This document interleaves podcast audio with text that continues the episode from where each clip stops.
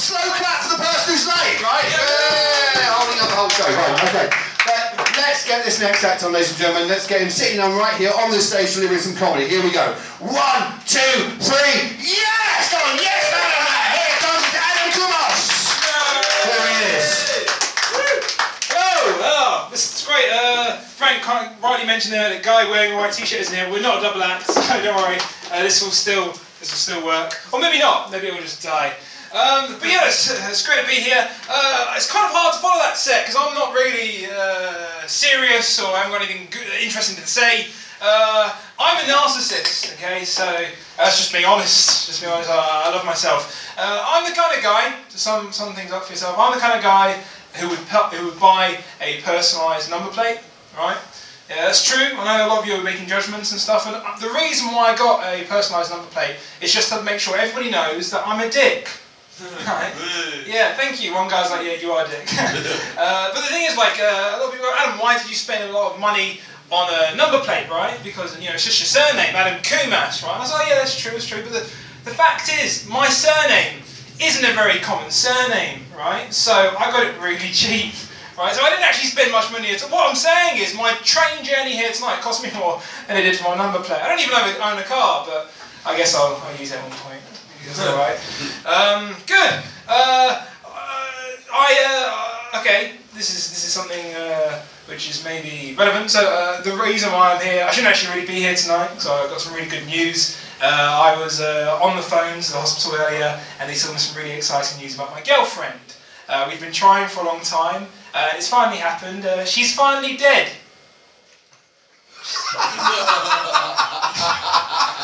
To let that sit. No, I'm joking, of course. For Frank. Just for, just for him.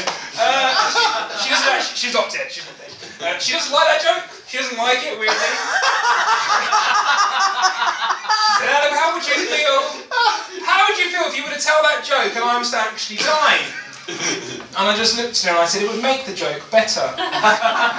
so, uh, of course, that's not, that's not true. I do love my girlfriend, I do love her. Uh, I actually find, right, during a tragedy, you always seem to remember where you are and what you're doing. Uh, I was thinking about this the other day and I ended up thinking, uh, remembering exactly where I was during 9 11, right? So, I'll paint the scene for you guys. It's 2001. I'm nine years old. I'm in an ice cream store, right, with my dad and my two younger sisters. I remember uh, plain as day, right? We're in front of the counter, ready to order. The TV's on in the background, right? But nothing, nothing's happened yet. And uh, my younger sister, she goes to the guy and goes, oh, she asks for vanilla ice cream, right? So the guy behind the uh, counter gives her one scoop of vanilla ice cream, hands it to her. My second sister asks for strawberry, but she wants a flake. So the guy behind the counter gives her one scoop of strawberry, gives her a flake, hands it to her. And just before I'm about to order, uh, we look up at the TV, and of course it's happened, right? And I just remember at that time the whole shop being plunged into silence.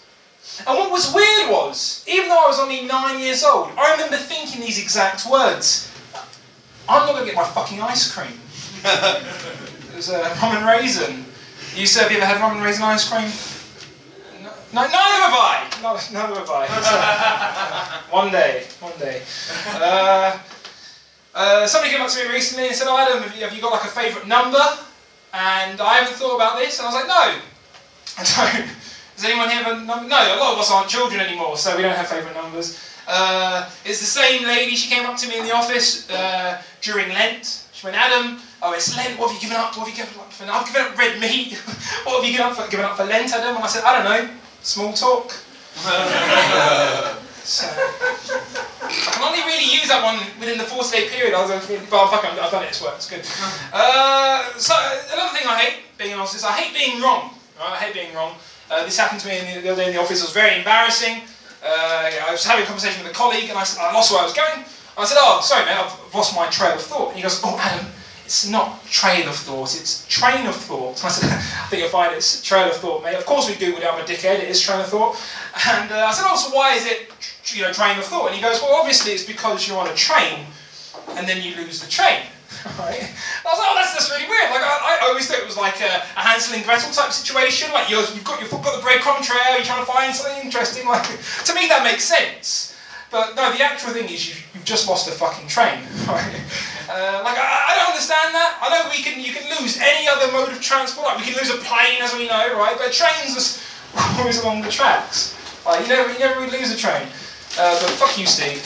Um, thing recently, I've tried to be, uh, try to be a lot more uh, eco-friendly. So I've tried to be like, uh, you know, a bit more conscious towards animals and stuff. So I've started, I started looking for products that don't test animals, uh, like shampoos and things like that. I ended up uh, finding, falling upon Lush, Lush, right, the supermarket, because they don't actually test any of their things on animals.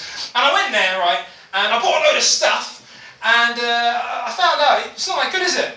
Stuff from Lush, very expensive, and uh, they have they have a lot of bath bombs. I don't. I live in London. I don't own a fucking bath. like if you own a bath, that means you're rich to me. But uh, I, I got one of these. I got one of these bath bombs. I just sort of started scrubbing myself outside in the rain. Uh, a lady from Russian like it. Um, tough luck.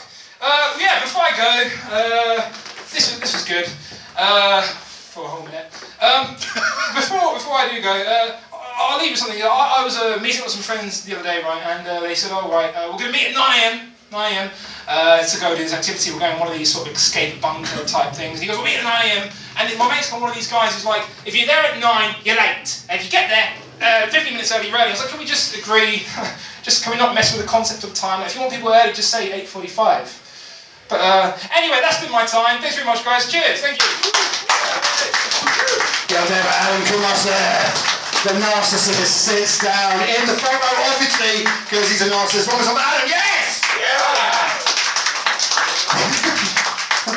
Sorry, I, I, was I was laughing at that joke so much because nobody else laughed. That's why I was laughing. It was like it felt like you you, you were expecting a massive payoff that joke, and literally, literally, it was like, oh god, his girlfriend's dead. Like, it was like, well, fuck, like, was, that's really dark, right? You know I mean, Ashley Hayden had just been on for like ten minutes doing the darkest material, but nobody ever thought it was a step too far that you said your girlfriend had died.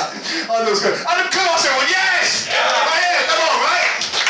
Doesn't cost anything, it's fine also, your, your white shirted, good looking friend was in the room. He was just standing in the back of the room, pacing up and down like an edgy comedian. So he wasn't in the front to support you. You may want to do the same things to him, I don't know. Anyway,